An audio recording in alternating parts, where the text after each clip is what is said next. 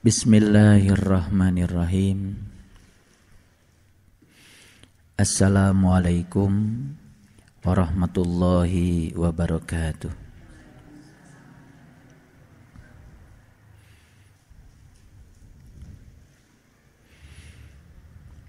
Alhamdulillahi rabbil alamin Wassalatu wassalamu ala anbiya'i wal mursalin Sayyidina Muhammadin wa ala alihi wa sahbihi ajmain Allahumma salli ala Muhammad wa ala ali Muhammad kama sallaita ala Ibrahim wa barik ala Muhammad wa ala ali Muhammad kama barakta ala Ibrahim innaka Hamidum Majid Subhanaka la ilma lana illa ma'alamtana innaka antal alimul hakim. Subhanaka Allahumma rabbana wa bihamdika. Ashhadu an la ilaha illa anta. Astaghfiruka wa atubu ilaih. Astaghfirullahaladzim. Astaghfirullahaladzim. Astaghfirullahaladzim. Allazi la ilaha illa huwal hayyul qayyum wa min jami'il ma'asi wa zunub la haula wa la quwata illa billahil aliyyil azim Mari kita selalu ikat nikmat yang Allah sudah anugerahkan kepada kita dengan selalu bersyukur padanya menyadari atas segala pemberiannya dan senantiasa membaktikan diri kita sepenuhnya padanya. Kita awali kajian kita saat ini bersama-sama membaca hamdalah. Alhamdulillahirabbil alamin. Salawat dan salam mari kita sanjungkan keharibaan junjungan kita Nabiullah yang agung Nabi besar Muhammad Rasulullah sallallahu alaihi wasallam seraya bersalawat padanya Allahumma salli ala Sayyidina Muhammad wa ala ali Sayyidina Muhammad Mari kita awali kajian kita saat ini dengan menyertakan Allah mudah-mudahan kelembutannya, kecerdasannya, kelapangannya menyelimuti kita bersama sehingga kita dimudahkan untuk bisa menangkap tanda-tandanya. Kita awali dengan membaca basmalah.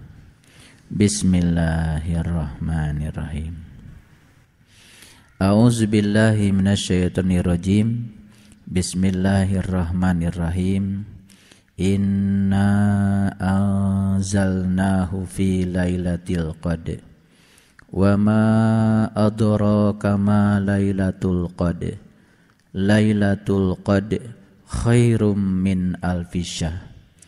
Tanazzalul malaikatu warruhu fiha biizni rabbihim min kulli amrin salam. Salamun hiya hatta matola'il fajr. Kita awali kajian kita dengan memperhatikan Quran surat yang ke-97 yaitu Quran surat Al-Qadar. Kita semua sudah hampir hafal Quran surat Al-Qadar ini karena begitu sering kita membacakannya. Tetapi hafal belum tentu kita juga menyadarinya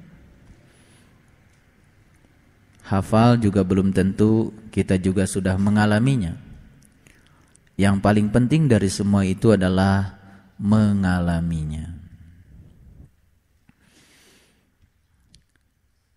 Ayat ini dimulai dengan Inna anzalnahu fi lailatul qadr. Sesungguhnya kami telah menurunkan kepadamu fi Lailatul Qadar pada suatu malam ketentuan. Jadi fi Lailatul Qadar itu adalah pada suatu malam ketentuan. Apa yang diturunkan oleh Allah di malam ketentuan ini?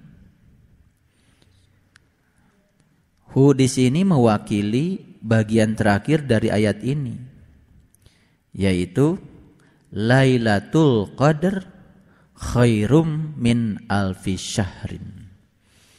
Jadi hu di situ mewakili ayat yang ketiga. Lailatul Qadar malam ketentuan itu ternyata khairum min alfi syahrin. Ya. Lebih baik dari seribu bulan.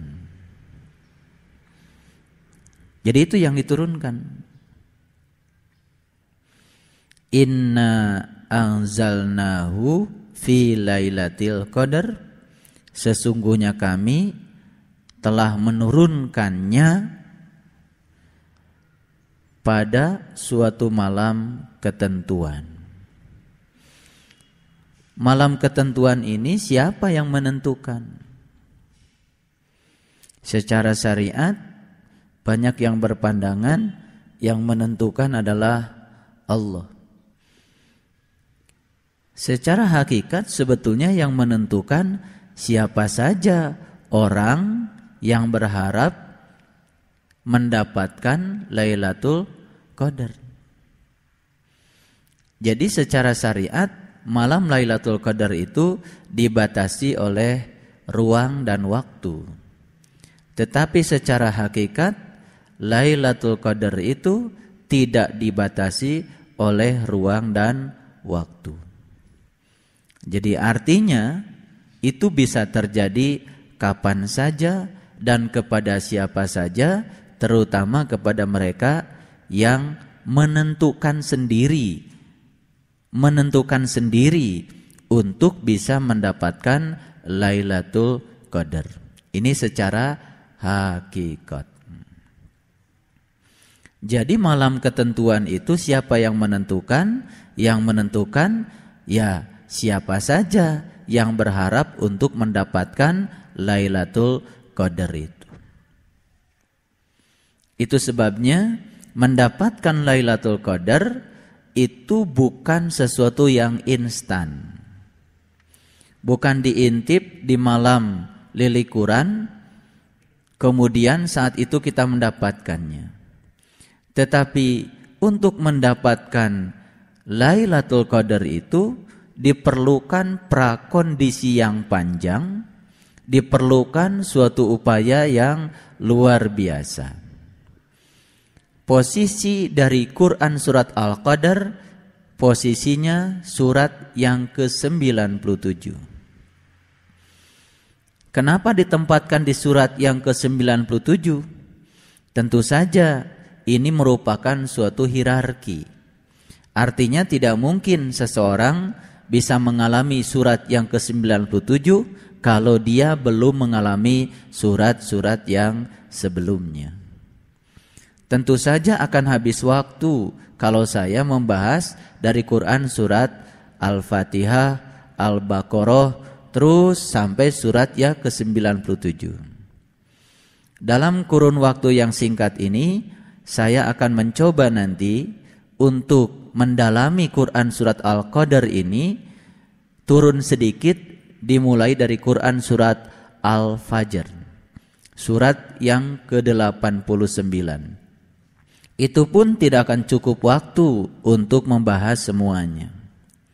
Kenapa saya memulainya dari surat yang ke-89 yaitu surat Al-Fajr? Karena di Quran surat Al-Qadar di bagian yang terakhir ada pernyataan salamun hiya hatta matla'il fajar. Di situ ada pernyataan tentang fajar. Saya ulangi sekali lagi, inna anzalnahu fi lailatul qadar artinya adalah sesungguhnya kami telah menurunkan nya ya telah menurunkannya ya hu di situ fi lailatil qadar pada malam ketentuan pada malam yang ditentukan yang menentukan malam itu adalah kita sendiri yang memiliki keinginan untuk mendapatkan khairum min alfi syahrin. Maka di ayat yang kedua ada pertanyaan wama adraka ma lailatul qadar? Tahukah kamu apakah malam ketentuan itu? Lailatul qadar malam ketentuan itu yaitu suatu malam yang lebih baik dari seribu bulan. Masih ingat pada bab yang sebelumnya pada pertemuan yang sebelumnya saya sudah mengkaji bagian dari Quran surat Al-Baqarah yang berbunyi Syahrul Ramadan unzila fihil Quran hudal linas wa bayyinati minal huda wal furqan. Faman syahida minkumus syahra falyasumhu. Jadi ada pernyataan di situ faman syahida pakai bahasa Arab biasa juga bisa diterka faman artinya barang siapa syahida yang menyaksikan min syahra di antara kamu bulan itu fal yasumhu maka sesungguhnya kamu telah melaksanakan saum jadi Ciri orang yang telah melaksanakan saum, dia telah syahida minkumus syahra. Dia telah menyaksikan bulan. Ini tidak bisa dipahami secara biasa, tapi ini harus dialami dulu, ya. Jadi cocok sekali dengan kajian kita sebelumnya tentang bulan sabit. Ternyata bulan sabit itu adalah tanda waktu dan tandanya haji. Makanya kalau ingin lihat bulan sabit, maka jangan lewat pintu belakang. Kita harus lewat pintu depan, pintu yang sudah disediakan oleh Allah. Bukanlah suatu kebajikan memasuki rumah itu dari pintu belakang. Yang namanya kebajikan adalah kebajikan orang yang bertakwa. Siapa orang yang bertakwa? orang yang sudah bisa memasuki rumah itu lewat pintu yang sebenarnya yang sudah disediakan oleh Allah. Kalau dia lewat dari pintu yang sebenarnya, pasti dia akan bertemu dengan bulan sabit. Nah, kalau dia sudah bertemu dengan bulan sabit, berarti dia sudah mengawali mengawali awal perjalanan spiritual yang benar yang pada akhirnya dia akan mencapai Idul Fitri. Jadi kalau ingin mencapai Idul Fitri, mulailah perjalanan kita dengan memasuki rumah dari pintu yang sebenarnya untuk mendapatkan bulan sabit. Hmm. Itu Quran. Nah, kalau sudah mendapatkan bulan sabit pada tingkat permulaan, sebetulnya dia telah mengawali untuk melaksanakan haji secara hakikat. Makanya bulan sabit adalah tandanya haji.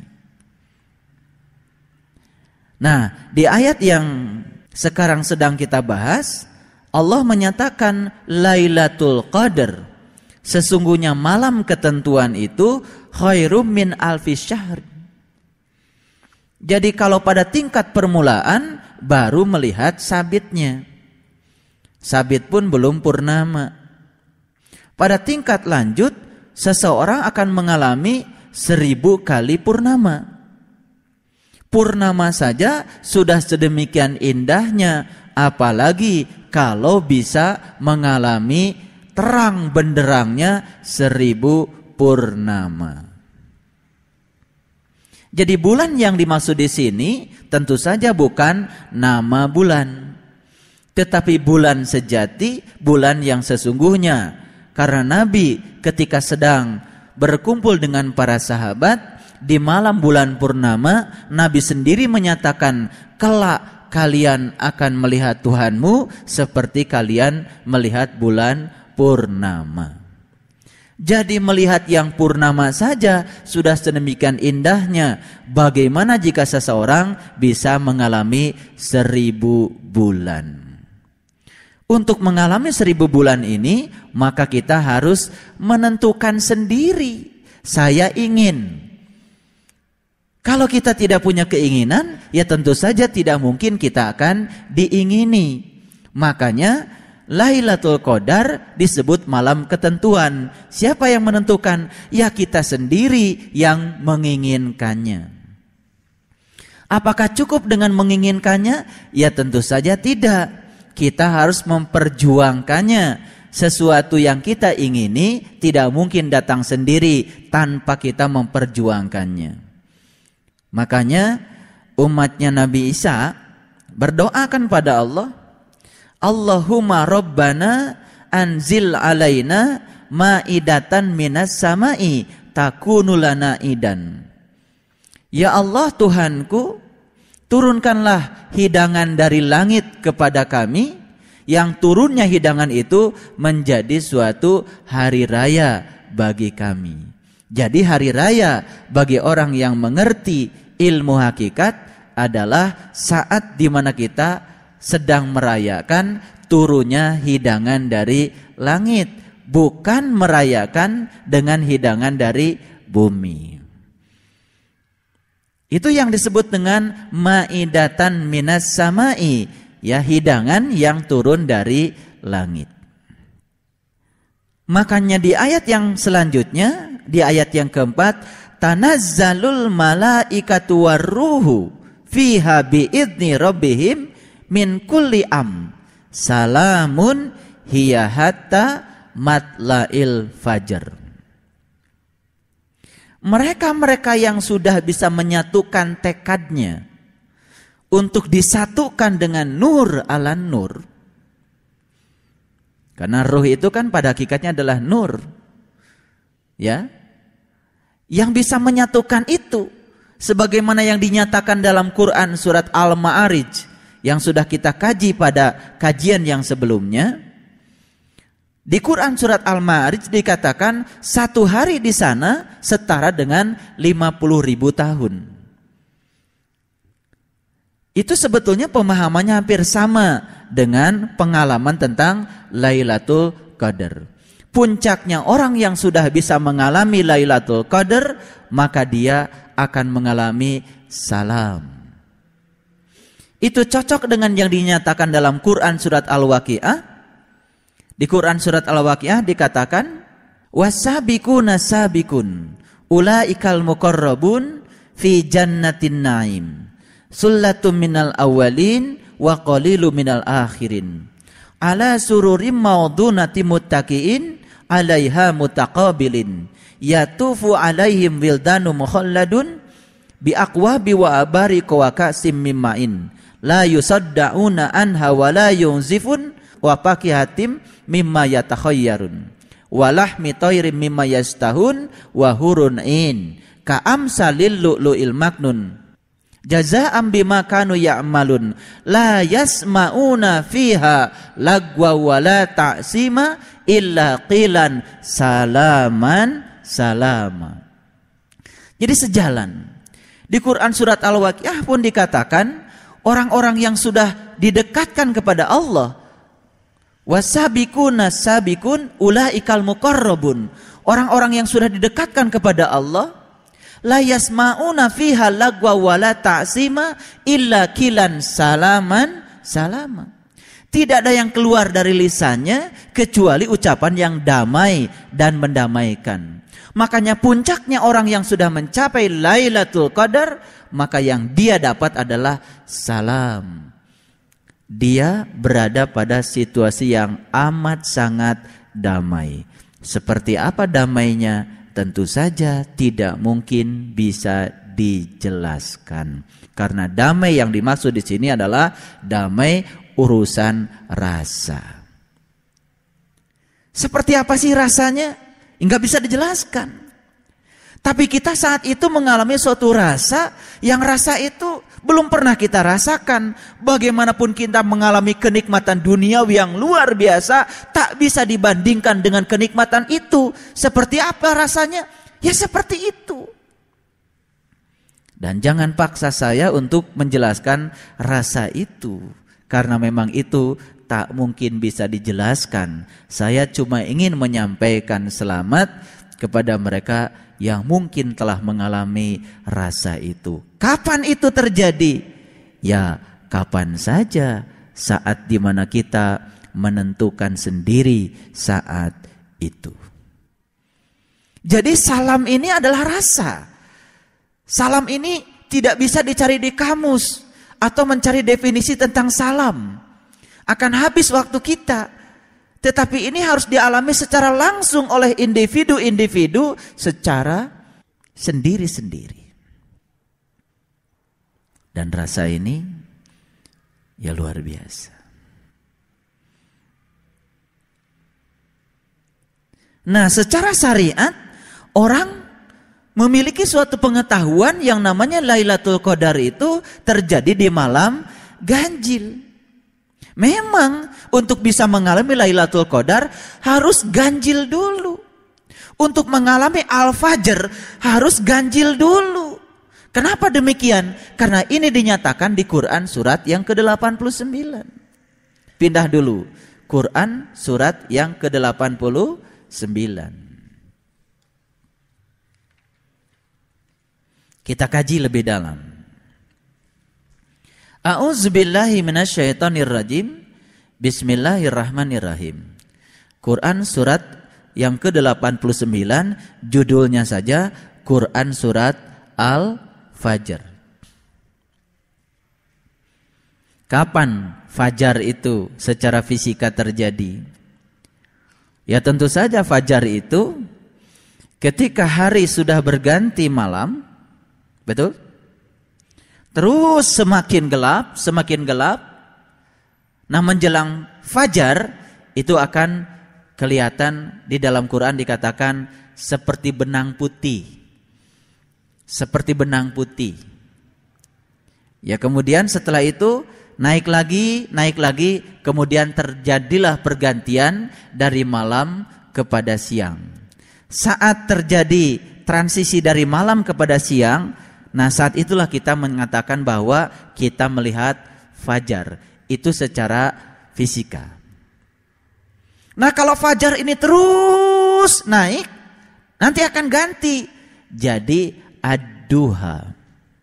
Duha namanya. Makanya setelah Quran surat Al-Fajr, itu surat yang ke-89, kemudian ayat yang ke-90-nya balad, tentang cerita tentang negeri, Ayat yang ke-91-nya cerita tentang asyam, matahari, betul? Jadi tidak langsung jadi matahari, tapi harus fajar dulu. Setelah matahari baru kita akan melewati al-lail. Jadi malam telah dilewati, baru kita memasuki ad-duha. Nanti kita akan kupas ya semuanya. Tentu saja disesuaikan dengan kemampuan waktu kita. Baik, sekarang kita lihat dulu surat Al-Fajr.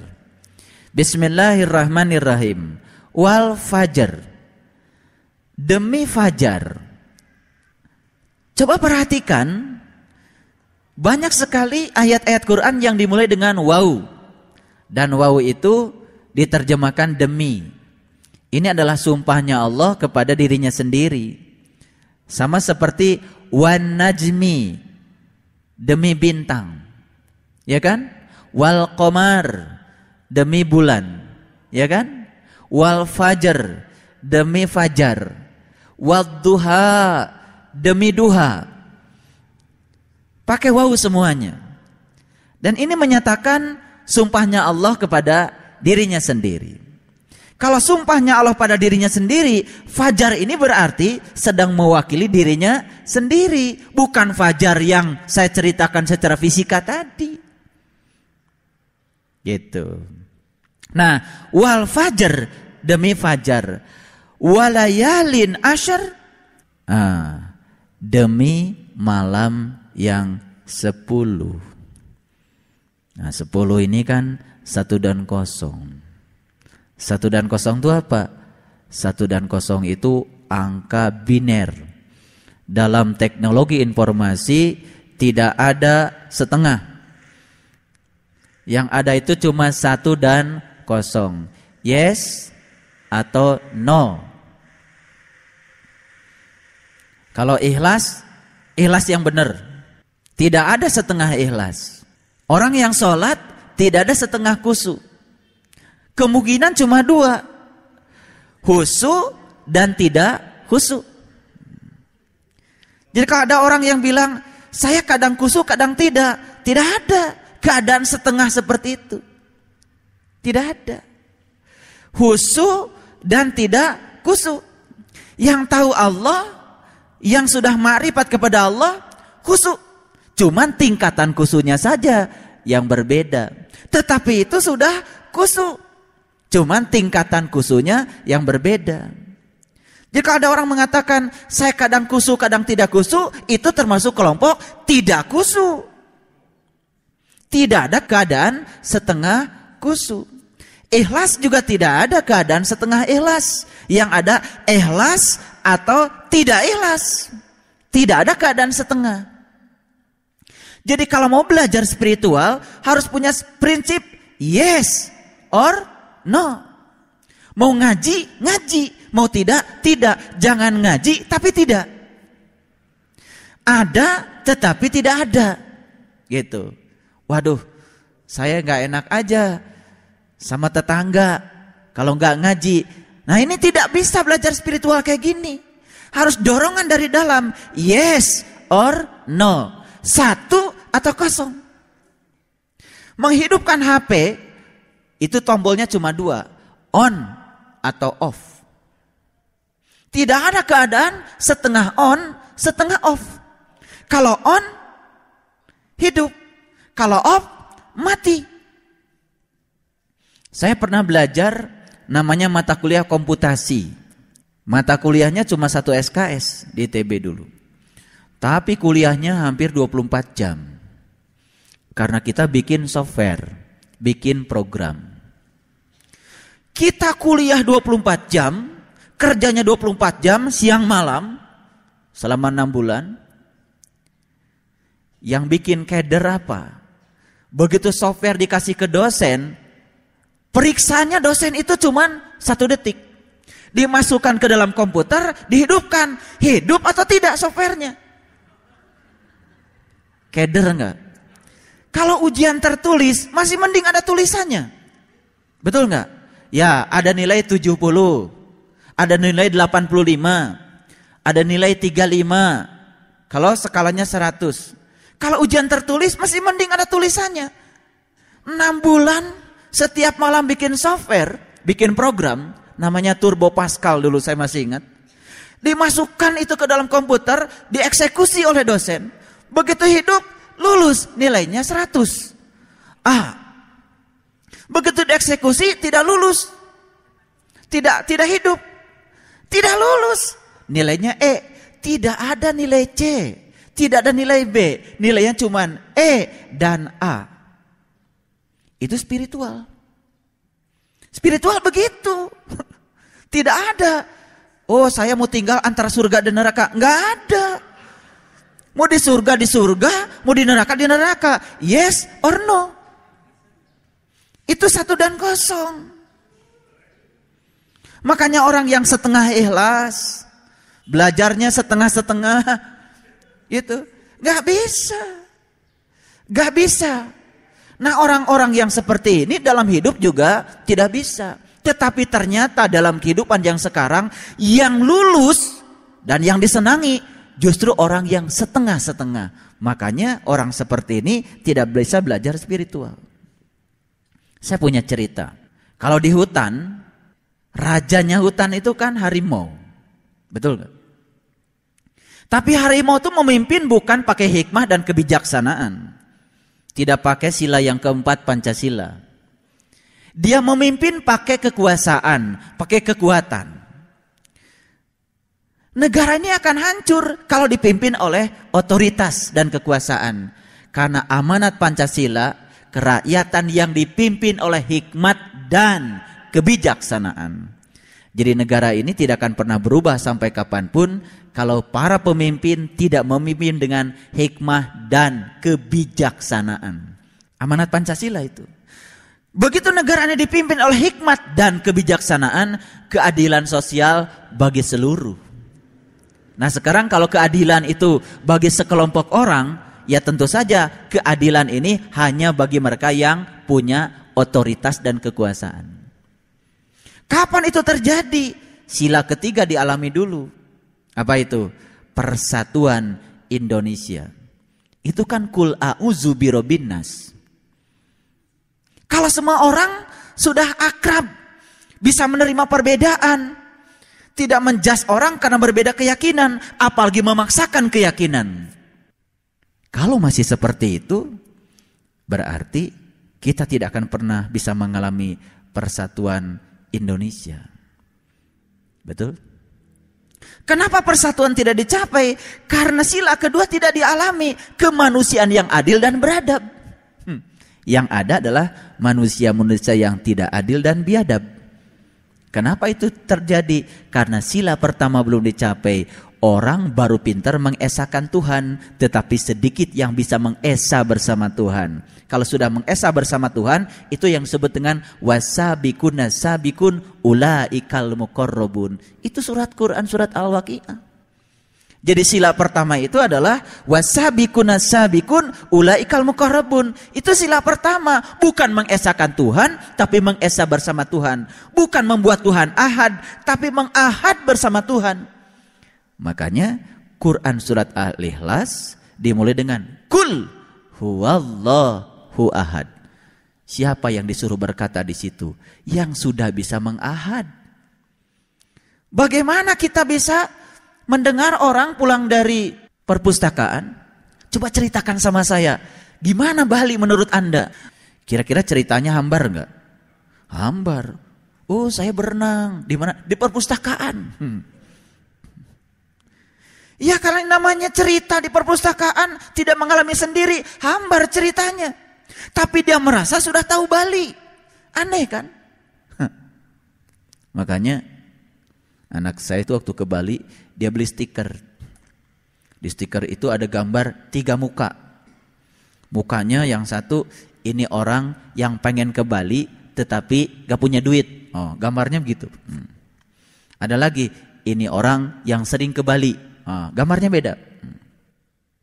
Nah, ada lagi yang terakhir ini orang yang terlalu sering ke Bali.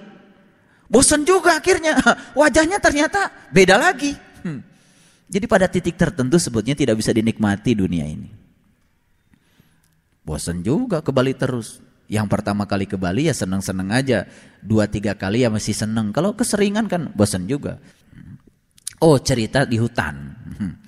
Jadi di hutan itu ada harimau. Suatu saat si raja ini memanggil para stafnya lah. Menteri-menterinya lah kira-kira. Yang pertama dipanggil itu kura-kura. Kata harimau, eh kura-kura sekarang ente berada di istana saya. Ini saya punya rencana mau memugar istana ini.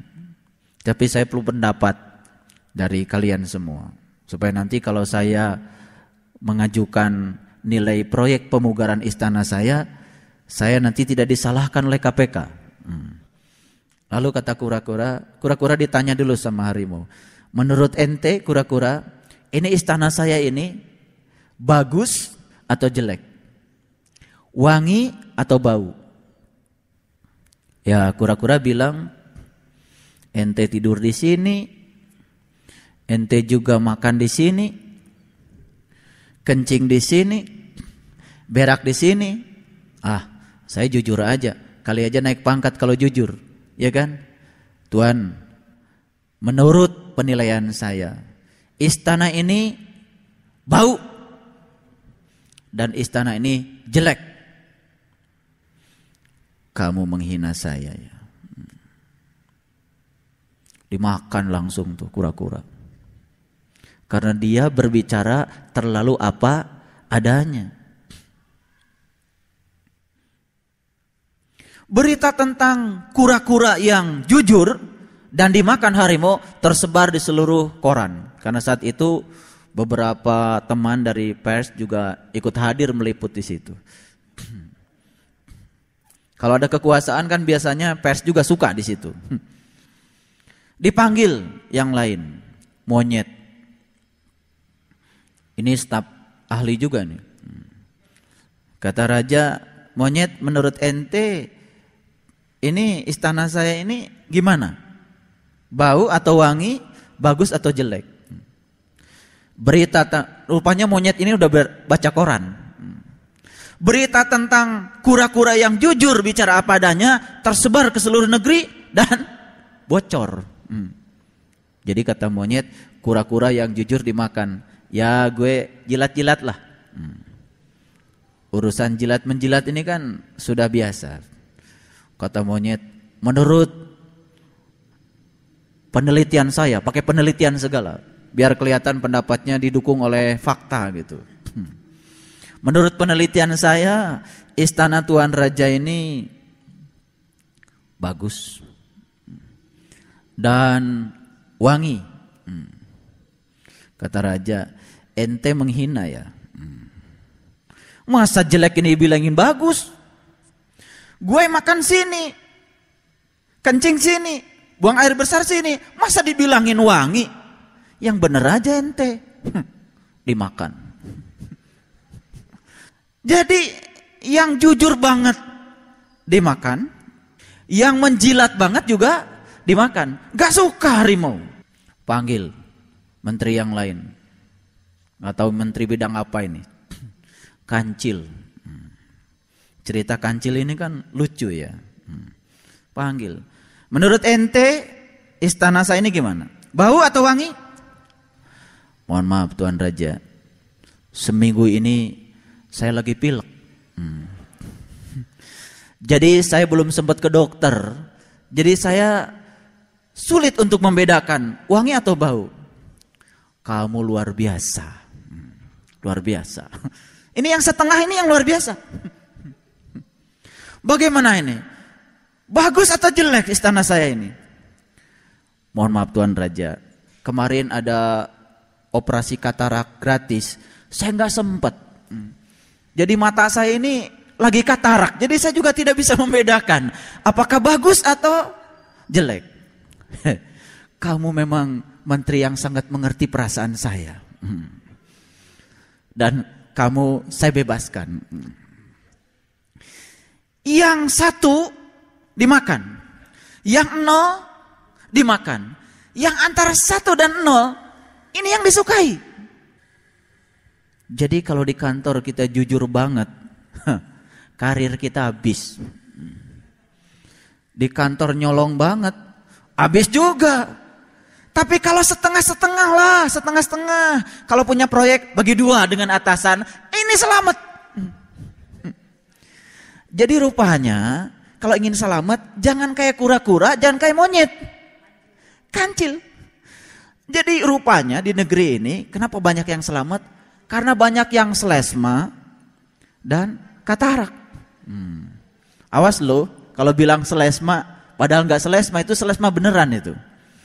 Kalau bilang katarak padahal nggak katarak itu bisa katarak beneran itu. Itu bahaya itu. Jadi kembali lagi kepada Quran. Walayalin asyar. Untuk mendapatkan fajar, kau harus bisa dulu mengalami satu kosong. Iya, iya, tidak, ya tidak. Spiritual itu harus satu atau kosong. Makanya itu yang dikatakan la ilaha illallah. La ilaha itu kosong. Illallah itu satu. Jadi kalau sudah kosong dapat yang satu. Coba kalau satu dibagi kosong kan tak berhingga hasilnya. Betul nggak? Jadi kalau ingin mendapatkan yang tak berhingga maka kuncinya adalah satu dan kosong. Itu yang disebut dengan angka biner. Itu yang difavoritkan menjadi angka digital. Nah, kita hidup sekarang di abad digital. Semuanya serba digital. Ya. Luar biasa. Kalau saya kupas wilayah 10 biner ini secara elektronika terpusing. Hmm. Kalau pengen ntar kuliah aja, kuliah elektronika. Kembali lagi kepada ini. Untuk mengalami fajar kuncinya harus satu atau kosong. Iya, iya, tidak, tidak.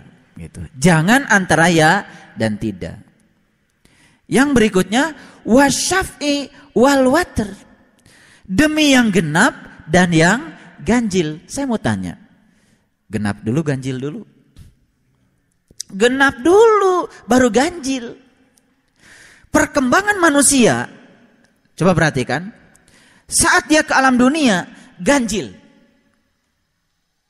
Tapi dia kemudian terikat dengan hukum-hukum dunia. Mulai dia genap. Dan nanti ketika kita mati, kita harus kembali ganjil. Nah, sebelum mati kita harus ganjil. Baik. Siapa yang genap? Ketika ada senang sekali. Ketika tidak ada, sedih sekali. Itu namanya masih genap. Tapi ketika ada, biasa. Ketika tidak ada, juga biasa. Sakinah. Wasato. Itu namanya ganjil. Kapan seseorang bisa ganjil ketika dia sudah melihat hidup dan segala peristiwa dengan sudut pandang Allah, bukan dengan sudut pandang dirinya sendiri. Jadi siklus kehidupan manusia itu apa? Lahir ganjil. Tidak punya keterikatan pada apa pun, tidak punya rasa khawatir pada apa pun, tidak mencintai siapa pun, ganjil. Seiring dengan perkembangannya di dunia, mulai melekat pada kehidupan dunia maka dia genap. Nah, sebelum kita mati harus ganjil dulu. La tamutunna illa wa antum muslimun. Makanya Nabi Musa tidak diizinkan masuk ke rumah Tuhan Al-Muqaddas itu sebelum dia melepaskan dua terompahnya. Dua terompah mewakili genapnya dunia. Sama seperti saat kita ihram, kita menggunakan dua lembar kain putih. Dua itu melambangkan kita siap sedia untuk melepaskan yang genap, untuk memasuki yang ganjil. Kalau saya kupas Quran surat Al-Fajr, gak selesai waktu kita. Tetapi dari sini kita sudah mendapatkan gambaran. Oh ternyata untuk mencapai fajar kita harus mengalami satu dan kosong. Harus punya prinsip satu dan kosong. Yang kedua kita harus melewati yang genap menuju pada yang ganjil. Makanya selama bulan Ramadan setelah kita sholat tarawih maka dipungkas dengan sholat witir. Witir itu dari bahasa Quran surat Al-Fajr wasyaf'i wal water. Witir. Witir itu ganjil. Sholat witir bukan sholat penutup sebelum tidur. Tapi sholat untuk mengukuhkan keganjilan kita di dalam memandang kehidupan. Coba doanya sholat witir. Allahumma inna nas'aluka imanan daiman wa nas'aluka qalban khasian wa nas'aluka ilman nafi'an wa nas'aluka amalan solihan wa nas'aluka yaqinan sadiqan wa nas'aluka dinan qayyiman wa nas'aluka khairan katsiran wa nas'alukal afwa wal afiyah wa nas'aluka tamamal afiyah wa nas'alukal ginaa anin nas kita itu akan witir kalau kita memulai kehidupan dengan apa wa nas'aluka imanan daiman diawali dengan iman yang daim, iman yang istiqomah, iman yang konsisten. Kalau imannya sudah miliki, berikutnya apa? Wanas aluka kolban khosian. Begitu seorang sudah terbuka pintu kalbunya, dia mengawali iman. Berikutnya minta pada Allah. Wanas aluka kolban khosian. Anugerahkan kepadaku ya Allah kolbu yang husu. Siapa kolbu yang husu? Husu itu artinya kolbu yang selalu ingat kepada Allah. Kapan kolbu ingat kepada Allah? Kalau sudah terbuka. Itu ada hierarkinya doa doa sholat witir itu. Kalau sudah terbuka pintu kolbunya, dia akan husu kolbunya mengingat Allah. Berikutnya apa? Wa nas'aluka ilman nafi'an. Pasti dia akan punya ilmu yang bermanfaat. Ya Allah anugerahkan kepadaku ilmu yang bermanfaat. Apa ilmu yang bermanfaat? Kata Ibnu Atta ilmu yang bermanfaat cirinya dua. Apa itu? Satu ilmu itu melapangkan dada. Dua ilmu itu membuka pintu kolbu. Tuh ilmu yang bermanfaat tuh yaitu. Kalau tidak tahu ini, bagaimana bisa mengawali iman? Bagaimana bisa mengawali untuk mendapatkan kolbu yang khusyuk. Setelah itu wanas aluka amalan solihan anugerahkan kemampuan padaku untuk selalu menjalankan amal soleh. Hanya dengan menjalankan amal soleh ini kolbu kita akan khusyuk karena lewat itu kita diajarkan berbagai pengalaman spiritual. Berikutnya apa? Wanas aluka yakinan sotikon. Kita akan punya keyakinan yang benar. Keyakinan yang benar lahir dari pengalaman. Orang bijak mengatakan keputusan yang baik lahir dari pengalaman. Pengalaman bisa jadi lahir dari keputusan yang tidak baik. Orang yang mau mengambil resiko, berani mengambil resiko, dia berbuat dan gagal lebih baik daripada orang yang tidak mau mengambil resiko dan tidak mau berbuat sama sekali. Maka dia tidak pernah dapat resiko dan tidak pernah gagal, tapi dia tidak pernah punya pengalaman untuk membuat agar keputusan yang tidak baik menjadi keputusan yang lebih baik. Nah, berikutnya apa? Wanas aluka khairan kasiran. Jadikanlah semua itu kebajikan yang banyak ya Allah. Semua kehidupannya menjadi kebajikan yang banyak. Apa pun peristiwa yang menimpa dia jadi kebaikan yang banyak. Khairan kasiran. Wanas alukal afwa wal afiyah. Maka dia bakal sehat wal afiyah. Ini kunci. Kenapa dia tidak sehat? Kenapa sakit-sakitan? Karena psikologinya. Psikologinya rusak berpengaruh pada neurologi. Neurologinya rusak berpengaruh pada endokrinologi. Endokrinologinya rusak berpengaruh pada imunologi. Imunitas tubuhnya itu sangat rendah, rentan terhadap berbagai penyakit. Tidak bisa menikmati spiritual, tidak bisa menikmati Quran, tidak bisa menikmati getaran dan rasanya Al-Quran. Kenapa? Gak punya iman.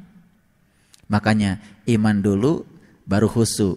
Setelah khusu baru manfaat ilmunya. Kalau sudah manfaat ilmunya dia akan mendapatkan apa? Akan mendapatkan istiqomah untuk selalu menjalankan amal soleh. Maka berikutnya akan memiliki keyakinan yang sidik. Kalau sudah keyakinannya sidik. Berikutnya apa? Wanas aluka dinan koyiman. Dia memiliki din yang koyim. Dia memiliki din. Din itu apa? Yaitu din yang koyim. Din yang selalu tegak, gagah. Jiwanya gagah. Kalau sudah gagah jiwanya berikutnya wanas aluka khairan kasiran wanas aluka afwa wal afiyah sehat wal afiat itu ada doanya itu. Wanas aluka tamamal afia. Dia mendapatkan kesempurnaan dari sehatnya. Sanes ukur sehat gagah. Tapi dia mendapatkan kesempurnaan dari sehatnya. Banyak orang sehat tetapi tidak berkarya. Banyak orang sehat tetapi tidak bernilai hidupnya. Sehat dan bernilai. Wanas aluka tamamal afia. Berikutnya apa? Wanas aluka syukro alal afia. Berikutnya dia syukur dengan sehatnya. Berikutnya apa? Wanas alukal gina aninas. Dia menjadi orang yang gina aninas. Gina berguna. Jadi guna itu dari bahasa Arab. Gina aninas dia menjadi orang yang berguna, bagi manusia. Ada orang yang hidupnya tidak berguna, boro-boro untuk orang lain, untuk dirinya sendiri saja tidak berguna. Kenapa? Gak punya iman. Nah, walaili ida yasar. Apa berikutnya? Dan malam telah berlalu. Ayahanda ibunda, malam harus berlalu. Ya, kegelapan harus berlalu. Mereka yang telah melampaui kegelapan baru mendapatkan fajar. Apa tuh kegelapan? Malam itu lambang dari dunia. Jadi dunianya sudah dilampaui. Dualitasnya sudah dilalui. Ini yang disebut dengan walaili idayasr. Subhanallah. Sekarang buka Quran surat Ad-Duha. Ini loncat, mohon maaf karena waktu kita terbatas. Dan nanti kita harus sampai kepada Quran surat Al-Qadar tadi. Sudah ketemu surat yang ke-93. أعوذ بالله من الشيطان الرجيم. بسم الله الرحمن الرحيم. والضحى والليل إذا سجى.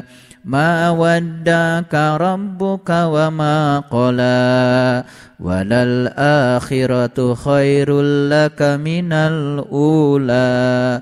ولسوف يعطيك ربك فترضى ألم يجدك يتيما فآوى ووجدك ضالا فهدى ووجدك عائلا فأغنى فأما اليتيم فلا تقهر وأما السائل فلا تنهر وأما بنعمة ربك فحدث صدق الله العظيم Kita baca wadduha demi duha.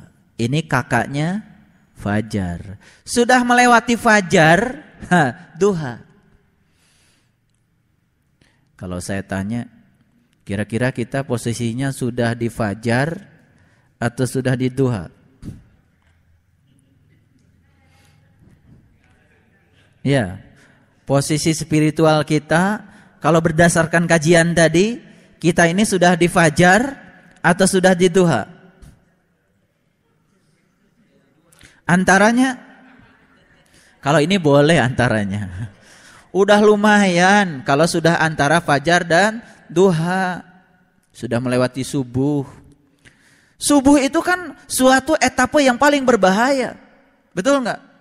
Kalau bangun ya dapat fajar. Sudah bangun tidur lagi. Fajar juga gak dapet. Apalagi duha lewat. Apalagi asyam. Hmm. Bablas. Bisa menjawab pertanyaan saya. Di fajar atau sudah di duha? Ya sekarang dijelaskan dulu setelah itu nanti kita ambil kesimpulan. Kalau fajar kan sudah tahu tadi, sudah melewati satu dan kosong. Dia punya prinsip. Ini soal integritas. Ini soal nilai hidup. Ini yang disebut dengan kecerdasan spiritual. Orang-orang yang punya kecerdasan spiritual tidak mau diajak antaranya. Ya atau tidak? Gitu. Baik. Wadduha. Kapan kita itu sudah mencapai duha? Ini adalah level spiritual. Apabila walaili idza saja. Perhatikan, perhatikan. Taraweh terus.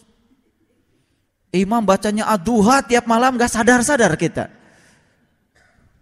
Bahkan ketika imam baca aduha pengen cepat selesai. Pada panjang-panjang bacaannya. Hmm. Coba perhatikan. Waduha. Kita akan mencapai duha tingkatan spiritual kita sudah duha apabila apa? Walaili ida saja. Apabila malam telah senyap. Malam telah sunyi. Tadi malam apa itu? Kalau di Quran surat Al-Fajr apabila malam telah berlalu. Di Al-Fajr itu malam baru berlalu. Kalau ini malam senyap. Sunyi. Tak berpengaruh lagi dunia ini, kegelapan ini terhadap terang benderangnya sang jiwa. Jiwanya sudah tidak terkotori lagi oleh pasang surutnya dunia. Dunianya sudah walaili saja. Saja itu bahasa Indonesia. Gitu-gitu saja. Dunianya gitu-gitu saja. Tidak berpengaruh lagi. Walaili ida saja. Berikutnya Pak, mawadda'aka rabbuka wa. Kalau lihat terjemahan aslinya, Tuhan tiada meninggalkan kamu. Artinya apa? Mawadda'aka. Tuhan selalu merasa bersamamu. Wa maqala. Dan tidak ada pikiran buruk kepada Tuhan. Ketika dia mendapatkan musibah, oh Tuhan sedang benci sama saya. Ketika sedang mendapat yang tidak enak, oh Tuhan sedang benci pada saya. Ketika sakit, hmm, Gusti manikia kia teing. Padahal sakit itu adalah pintu spiritual sedang dibukakan oleh Allah. Buat siapa? Buat yang sakit, juga untuk orang yang melayani orang yang sakit. Jangan dikira loh. Melayani orang yang sakit, apalagi ibu kita, orang tua kita, yang sudah tua renta tak berdaya, sebetulnya Tuhan sedang membukakan pintu spiritual bagi yang melayani juga yang sedang dilayani. Jangan dikira itu adalah pintu kemesraan sedang dibuka. Makanya aneh kalau seorang anak tidak mau menemani ibunya yang sedang sakit. Aneh kalau seorang anak tak peduli ketika ibunya sedang sakit. Ketika ibu saya sedang sakit, saya tiga bulan tiap hari setiap selesai jam 11 malam ceramah di Jakarta, saya pulang ke Garut. Setengah lima sampai sana, jam 6 cukup untuk menyatakan bahwa kita hadir saja membuat ibu sudah bahagia. Jam 6 pergi lagi, jam 9 saya kuliah di kampus, keluyuran lagi. Jam 11 malam saya berangkat lagi ke sana. Sendiri, hujan, tengah malam, lewat hutan. Kalau yang pernah tahu kampung saya, ada orang Jakarta yang pernah ke sana. Oh, Pak Saiful tiap malam ya lewat sini. Dia satu satu kali aja ke tempat saya udah mabuk. Hmm. Tapi itulah kapan lagi saya mengabdi kepada ibu. Karena itu adalah saat-saat di mana ibu sedang butuh kita anak-anaknya. Tidak butuh pemberiannya, tidak butuh roti, tidak butuh kirimannya. Hadir saja sudah memberikan kebahagiaan yang luar biasa. Karena saya melihat perbedaan kebahagiaan ibu ketika kita hadir dengan ketika tidak ada. Rasanya kalau kita hadir, ibu tenang. Kalau tidak hadir, kayak cemas. Subhanallah mawadda'aka merasa bersama Tuhan dan tidak pernah mengatakan kalau kita baik pada Tuhan, Tuhan baik pada kita. Kalau kita tidak baik pada Tuhan, kemudian Tuhan tidak baik pada kita. Itu konsepsi Tuhan yang dibikin oleh para teolog. Tuhan tidak bisa dikonsepsikan seperti itu. Dia maha adanya. Kalau orang yang sudah menyatu dengan Tuhan, dia tidak lagi mendikotomikan Tuhan. Apa pun yang sedang Tuhan berikan padanya, dia yakin itu adalah kasih sayangnya Tuhan. Baru dua cirinya. Satu, malam telah sunyi. Dua, merasa bersama dengan Tuhan dan tidak pernah mendikotomikan Tuhan. Sampai sini sudah berani kita menyatakan ad-duha atau al-fajar. Oh, duha. Bagus. Harus percaya diri. Hmm. Yang berikutnya apa? Walal akhiratu khairul laka minal ula. Besok selalu lebih baik daripada hari ini. Orang yang sudah mencapai duha selalu hari-harinya lebih baik daripada hari-hari yang telah berlalu. Hari-harinya selalu jauh lebih baik daripada hari-hari yang telah berlalu. Kita tanya pada diri kita, hari-hari kita selalu lebih baik. Kalau lebih baik, duha itu. Semangatnya lebih baik, ikhlasnya lebih baik, sabarnya lebih baik, sudut pandangnya lebih baik, kedamaiannya lebih baik, semuanya lebih baik. Duha itu. Ha. Wala saufa yu'tika rabbuka fatardo. Apa pun yang ditakdirkan Tuhan pada dirinya, dia selalu tardo, selalu ridho. Ridho. Tidak pernah sedikit pun berkomentar terhadap peristiwa yang terjadi pada dirinya. Apalagi berkeluh kesah. Ridho. Udah berapa cirinya? Satu, malam telah sunyi. Dua, selalu merasa bersama Tuhan. Tiga, tidak pernah mendikonopikan tindakan Tuhan. Yang keempat, selalu hari ini lebih baik daripada hari-hari yang telah berlalu. Esok selalu lebih baik daripada hari ini. Walal akhiratu khairul laka minal ula. Yang berikutnya, ridho terhadap apa pun yang Tuhan inginkan terjadi pada dirinya. Alam yajidki manfa'awa. Bukankah dia mendapatimu sebagai yatim lalu dia melindungimu? Ngerti? Tuhan mendapati kita yatim. Lalu Tuhan melindungi kita. Dengan apa? Dengan dirinya. Siapa yang yatim? Yang yatim bukan tubuh kita. Tubuh kita ada karena ada ibu bapak kita. Yang yatim adalah jiwa kita. Karena jiwa tidak pernah dilahirkan. Jiwa itu ditiupkan. Itulah yang yatim pada dirimu telah mendapatkan perlindungan dari Tuhan telah dilindungi oleh Tuhan.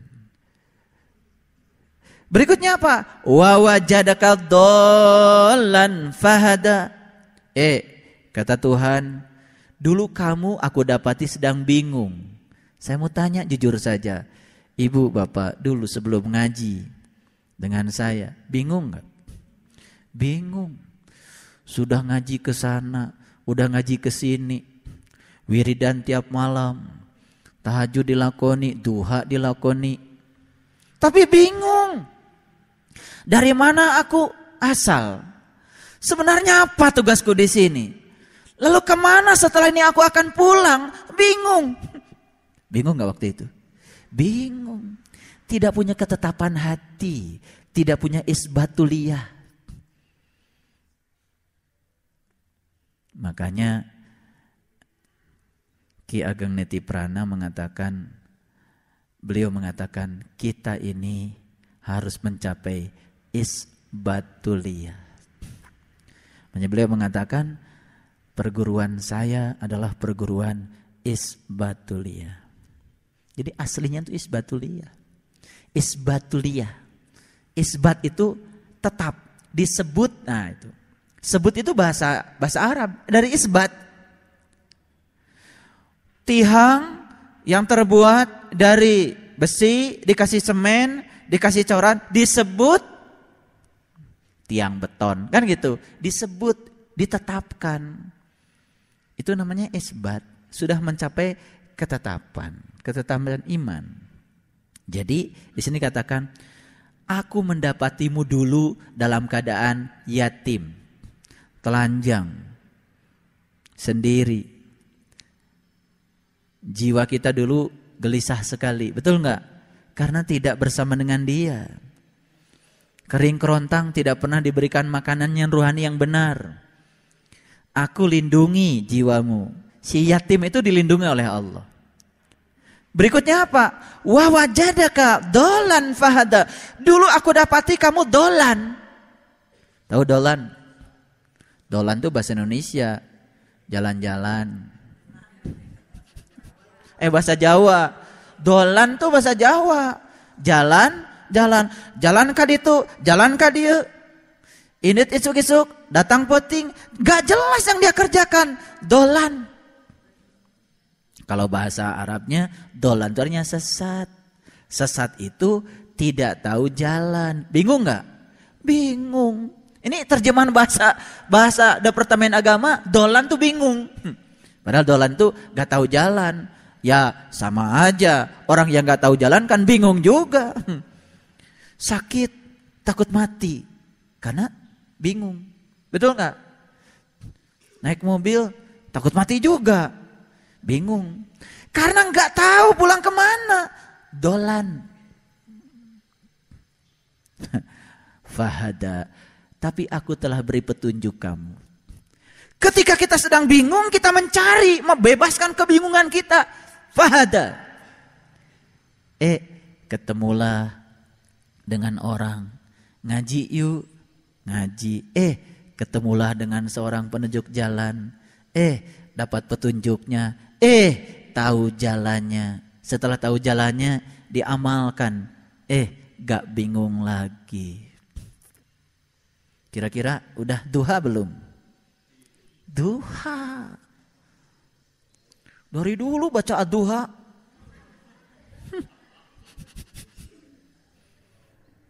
Kalau udah jadi imam, wadduha walaili idza saja. Lekoh. Tengarti. Duha itu apa?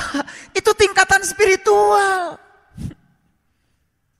Tahunya sholat duha. Untuk apa?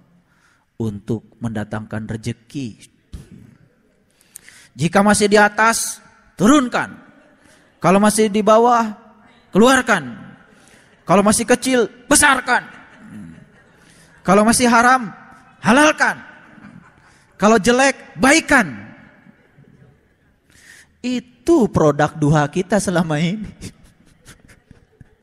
Padahal duha kata Quran bukan begitu. Walaili saja ma wadda'aka rabbuka wa ma qala. Walal akhiratu khairul laka minal ula. Wala saufa yutika rabbuka fatardo. Tardo. Kapan kita tardo? Kalau jika di atas turunkan. Jika di bawah keluarkan. Kapan jadi tardo? Gak tahu tuh siapa yang bikin. Pak Indra kayaknya itu. Alam yajidika yatiman fa'awa. Ketika kamu dulu masih yatim, belum dapat pelindungnya, seperti itulah kamu. Duhanya maksa Tuhan. Tuhan dijadikan hamba dia. Dia yang senang jadi Tuhan. Betul nggak? Karena yatimnya saat itu masih kampungan. Jarang ke kota. Kurang gaul.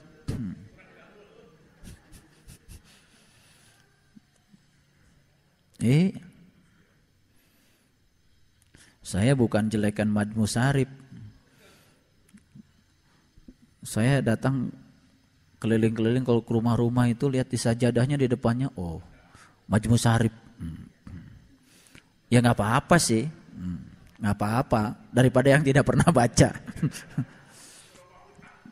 kan di situ ada doa membebaskan utang.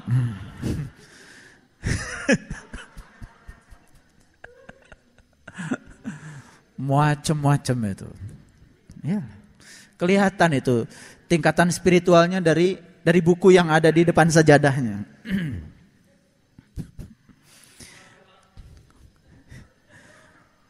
kumpulan statement untuk memaksa Tuhan agar menjadi hamba Dia. Wa wajadaka dolan fahada. Aku dapati kamu dalam keadaan bingung. Aku kasih petunjuk saat itu. Wa wajadaka ailan faagna. Saat itu juga kamu aku dapati berada dalam kekurangan. Aku cukupkan. Siapa yang kekurangan? Apa dia tidak punya harta? Subhanallah. Allah tidak sedang cerita kekurangan itu. Kenyataannya banyak orang yang punya harta banyak pun masih gelisah kehidupannya. Itu tandanya dia ada apa yang kurang ya. Apalagi teboganan naon.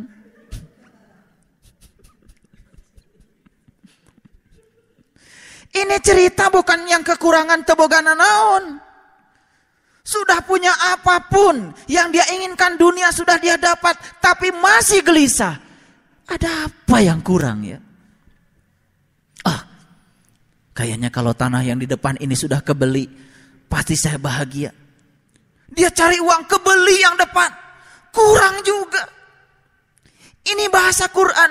Wa wajadaka ailan fa'agna. Saat itu kamu selalu merasa kurang. Kapan kita merasa cukup? Ketika Allah mencukupkan kita dengan dirinya sendiri, kaya hati kita. Saat hati kita kaya, saat jiwa kita kaya, saat itu kita merasa cukup dengan apa yang ada. Alhamdulillah, saat itu kita dibebaskan dari perasaan kurang. Walaupun masih kekurangan. Mau ngaji nggak ada ongkos, ada aja jalannya. Ada aja. Tiba-tiba disampar sama Bu Usi, ngaji yuk. ya ada saja kalau Allah mau nyamper ya digerakkan saja. Mau ke kebun saya bingung. Tapi sudah yakin, ah ntar juga ada yang kosong mobilnya. Ada juga. Dapat ikan lagi. Wa wajadaka ailan fa'agna. Saya mau tanya Bapak Ibu, berapa banyak orang yang hari ini merasa kurang? Saya baca bukunya orang bijak tentang korupsi. Hanya orang yang selalu merasa kekuranganlah yang bisa disogok. Itu kalimat dalam sekali. Hanya orang yang selalu merasa kekuranganlah yang bisa disogok. Hanya orang yang selalu merasa kekuranganlah yang bisa disuap. Gak kenyang. Sebetulnya yang dia butuhkan itu sebetulnya bukan tambahan harta. Yang dia butuhkan Allah sebetulnya cuman gak ngerti. Gak ada yang bimbing. Bahkan pada saat tertentu ketika harta kita berlimpah, malah kita dikerjain sama harta kita, disedot seluruh waktu kita untuk melayani dia. Kata rumah yang sini ke sini, kata rumah yang sini ke sini, kata rumah yang sini ke sini. Pada tingkat tertentu tak bisa dinikmati lagi. Harta pun pada tingkat tertentu tak bisa dinikmati lagi. Kata pabrik yang di sini, ini saya pengen dilayani. Hmm. Kata pabrik yang sini, ini saya pengen dilayani pada tingkat tertentu tak bisa dinikmati lagi, tapi tetap saja merasa dirinya kekurangan. Makanya orang yang masih merasa dirinya kekurangan gak pernah mau berbagi. Lihat, banyak hartanya tapi tidak mau berbagi karena dirinya masih merasa kekurangan. Ini yang dikatakan wa wajadaka ailan fa'agna fa'amal yatima fala takhar pada saat itu kamu sewenang-wenang tindakanmu pada yatim. Sewenang-wenang pada jiwanya. Jiwanya ditelantarkan begitu saja. Dia terus saja memenuhi kepentingan isi perutnya. Tetapi dia tidak pernah mementingkan isi perut ruhaniahnya. Itu yang disebut dengan fa'amal yatima fala takhar. Wa amma fala tanhar. Dan terhadap yang minta-minta, kamu menghardiknya. Oh tadi ada yang minta-minta didorong-dorong sama dia begitu. Bukan itu. Jiwamu tuh meronta, minta dari dulu. Tapi menghardiknya, membiarkannya. Eh.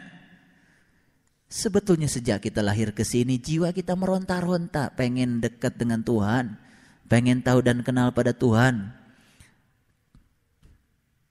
Tetapi kesenangan dunia ini telah menghardik jiwa kita sendiri. Ana orang-orang yang tidak mau mempertemukan jiwanya dengan aku kata Tuhan. Waradu bil hayati dunya karena dia senang dengan urusan dunia. Wacma'an nubiha bahkan dia sudah merasa damai dengan dunia. Ulaika ma'wahumun nar. Aku akan dorong dia ke dalam neraka. Di dunia saja dia sudah di neraka. Kenapa? Di dunia saja dia sudah tidak merasakan kenikmatan dunianya itu. Karena dia dikerjain oleh dunianya seluruh waktunya. Dia sita untuk melayani dunianya. Bukan dunianya melayani dia. Ini yang dikatakan wa amma sa'ila fala tanhar. Uh, amit-amit abdi mah tara tara nitah nyingkah ke musafir. Abdi mah tara ngadorong-dorong pengemis tara. Hmm. Makanya abdi mah di mobil tanya nyogikeun wae duit receh seratusan. Mana asa jadi darmawan. Padahal sang jiwa di dalam dirinya meronta, bukan yatim itu. Itu memang sudah selayaknya kita bantu, tapi yang harus kau bantu adalah yatim yang ada pada dirimu. Itu kau hardik. Eh, rasanya kalau udah ngaji, kita udah melayani yatim. Tidak. Ngaji itu belum melayani yatim. Melayani yatim itu saat di mana ibu bapak sendiri-sendiri sedang fokus ke dalam dirinya sendiri. Memberi makan sang jiwa dengan makanan jiwa yang bernutrisi tinggi untuk jiwa. Itu namanya kita sudah melayani yatim. Tidak menghardiknya lagi. Wa amma bi ni'mati rabbika fahadis. Dan terhadap nikmat Tuhanmu maka hendaklah kamu senantiasa mensyukurinya. Ah, jadi kalau imam lagi baca wadduha, oh tingkat spiritual duha. Walaili idha saja, aku harus melampaui dunia ini agar senyap jiwaku, tak terpengaruh oleh dunia. Ma waddaka rabbuka wa ma qala. Aku selalu bersamamu ya Allah dan aku tidak pernah mendikotomikan tindakan Walal akhiratu khairul laka minal ula. Semoga hari-hariku selalu menjadi lebih baik daripada hari-hari yang telah lewat. Yutika rabbuka. Jadikanlah aku orang-orang ridho ya Allah dengan segala ketentuanmu. Alam yajidka yatiman fa'awa. Aku sadar dulu jiwaku yatim, tak mendapatkan perlindungan. Dan sekarang Betapa nikmatnya ketika sang jiwa bersamamu. Wa wajadaka fahada. Aku judul dulu bingung ya Allah. Tak tahu aku harus ke mana. Dan kini aku telah mendapatkan fahada, petunjuk. Wa ailan faagna. Dulu aku selalu mendapatiku, selalu merasa kekurangan walaupun kau telah memberi banyak. Dan kini aku merasa berkecukupan denganmu ya Allah. Fa'ammal yatima fala takhar. Maafkan ya Allah, selama ini aku bertindak semena-mena terhadap yatim yang ada dalam diriku. Wa amma. Bahkan aku sering menghardiknya, membiarkannya. Ketika dia meronta menjerit ingin menemuimu, ingin mengenalmu, aku pun tidak pernah mempedulikannya. Karena begitu sibuk diriku dengan duniaku. Wa amma bini'mati rabbika fahadis. Dan semua itu adalah karuniamu yang luar biasa bagiku. Aku bersyukur. Setelah itu Allahu Akbar, ruku. Rasakan, rendahkan tubuh ini. Setelah itu sujud. Ya Allah, jika ada lagi tempat yang lebih rendah dari ini, aku akan sujudkan diriku. Karena betapa banyak nikmat yang telah kau karuniakan padaku. Coba, satu surat saja ad-duha sudah menggetarkan sholat kita. Baru berikutnya, Alam nasroh laka sodrok. Bukankah aku telah melapangkan jiwamu kata Allah. Wa wadana anka. Aku pun telah membebaskan segala beban yang ada pada dirimu. Allazi angkodo dohrok. Sekarang punggungmu sudah tegak. Karena beban-beban yang di punggungmu telah aku bebaskan. Jadi bagaimana kita bisa mengalami alam nasroh kalau kita tidak lewat ad-duha? Warofakna laka dikrok. Aku telah angkat. Warofakna laka dikrok. Ingatanmu telah aku angkat. Selamanya kau selalu ingat kepadaku. Fa inna ma'al usri usro. Ketika engkau memandang kesulitan, ingat di balik kesulitan itu aku sudah siapkan kemudahan. Yakin saja kepadaku. Inna ma'al usri usro. Aku tegaskan sekali lagi supaya kamu yakin Ketika kamu berhadapan dengan kesulitan, sesungguhnya di balik kesulitan, aku selipkan kemudahan. Faiza farogata sob. Ketika kamu kosong, aku akan curahkan. Itu terjemahan yang benar. Farogo itu artinya kosong. Fangsob itu artinya dicurahkan. Faida farog tafangsob. Ketika kamu kosong, aku akan curahkan. Ketika kamu merasa kecil, aku akan tunjukkan kebesaranku. Ketika kamu merasa tidak ada, aku akan tunjukkan kalau aku ada. Ketika kamu merasa tidak bisa, aku akan tunjukkan kuasaku. Wa ila rabbika fargob. sadarilah hanya aku tempat kamu berharap. Watin wazaitun waturisinin. Kini kamu telah ada di pohon tin. Pandanglah oleh kamu tur. Tur puncak kesadaranmu. Wahadal baladil amin.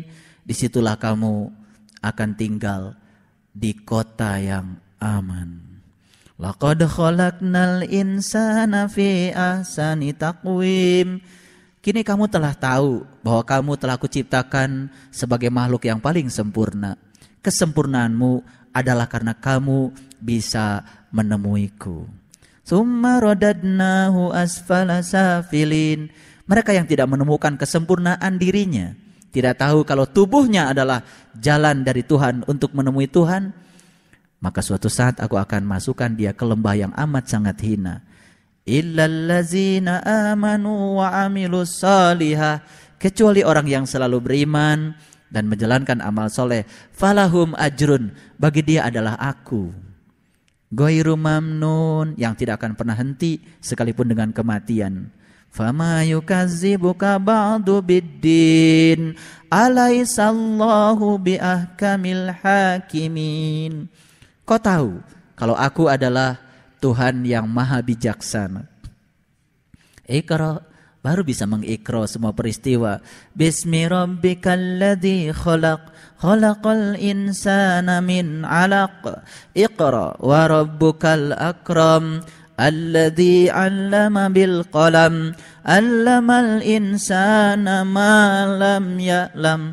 Kini aku akan ajarkan kamu dengan penaku sendiri dan kamu akan tahu apa yang kamu tidak tahu. Kalla innal insana la yatgha ar-ra'ahu inna ila rabbika ruj'a ara'aita alladhi yanha abdan idha sholla kini kamu sudah bisa mengerjakan sholat yang benar karena kamu sudah bisa mengingatku dengan sempurna. ara'aita in kana alal huda au amara bittaqwa ara'aita in kadzdzaba wa tawalla alam ya'lam bi anna Allah yara. Kalla la illam yantahi lanasfa'an bin nasiyah. Nasiyati kadhibatin khati'ah. Falyad'u nadiyah. Sanad'u zabbaniyah. Kalla kalla la tuti'hu wasjud waqtarib. Kini sujudlah kamu dan selalu mendekat kepadaku. Yang disujudkan bukan hanya tubuh yang disujudkan adalah jiwa raga kita.